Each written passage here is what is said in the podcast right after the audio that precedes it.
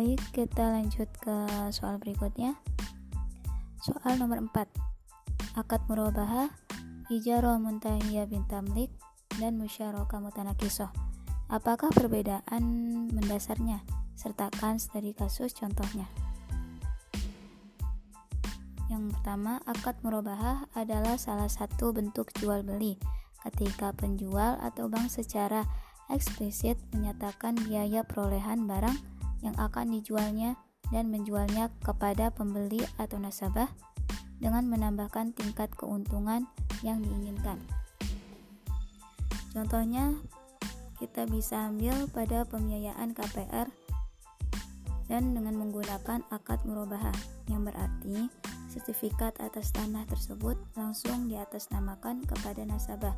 Namun, karena sifatnya rumah tersebut dijaminkan kepada bank atas pembiayaan murabahah yang telah dilakukan, maka yang digunakan oleh pemilik rumah selama pelunasan belum selesai adalah hak kemanfaatan untuk menjualnya sendiri. Sedangkan ijarah muntahiyah bitamlik adalah perjanjian antara bank dengan nasabah untuk menyewa suatu barang atau objek milik bank, di mana bank mendapatkan imbalan atas barang yang disewakan dan diakhiri periode nasabah diberi kesempatan untuk membeli barang objek atau barang yang disewakan. Contohnya, dalam penyewaan tanah dan bangunan rumahnya. Jadi, penyewaan tersebut terjadi antara bank dan nasabah. Dan selama nilai sewa tersebut belum lunas oleh pihak nasabah, maka tanah dan bangunan tersebut masih milik pihak bank. Selanjutnya, musyarakah mutanakisoh.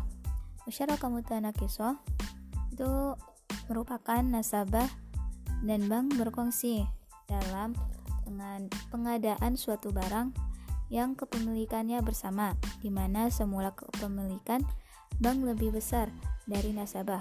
Lama-kelamaan kepemilikan bank akan berkurang dan nasabah akan bertambah akan disebut juga perkongsian yang mengecil. Contohnya dalam pengadaan rumah.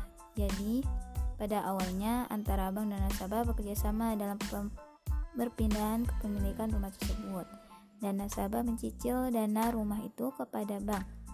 Jika pengadaan rumah tersebut sudah lunas, maka rumah tersebut sudah menjadi hak milik atas nasabah seutuhnya. Mungkin itu jawaban dari saya. Nabi mohon maaf. Assalamualaikum warahmatullahi.